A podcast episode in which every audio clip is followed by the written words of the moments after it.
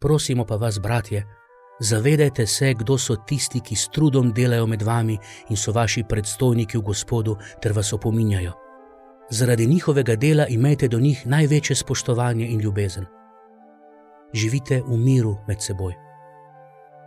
Opominjamo pa vas, bratje, opozarjajte tiste, ki nočejo delati.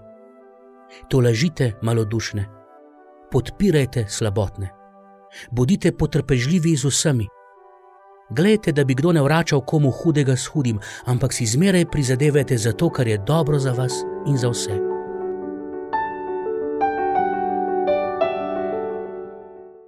Vprašanje razumevanja odgovornosti je eno od bistvenih vprašanj v cerkvi.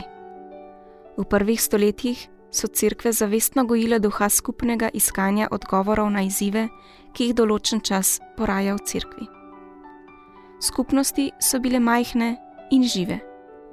Soočale so se tudi z mnogimi problemi, o katerih v svojih pismih pišejo apostoli.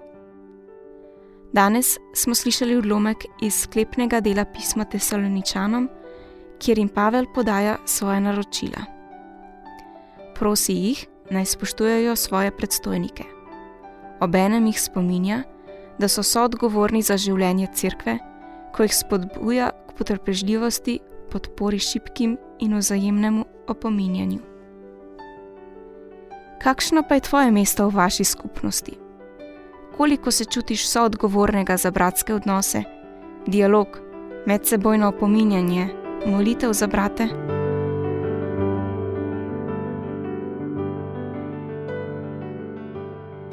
Prosimo pa vas, bratje, zavedajte se, kdo so tisti, ki s trudom delajo med vami in so vaši predstojniki v Gospodu ter vas opominjajo.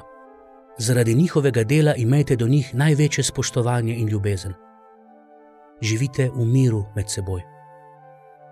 Opominjamo pa vas, bratje, opozarjajte tiste, ki nočejo delati. To lažite malodušne, podpirajte slabotne, bodite potrpežljivi z vsemi. Glejte, da bi kdo ne vračal komu hudega s hudim, ampak si zmeraj prizadevajte za to, kar je dobro za vas in za vse.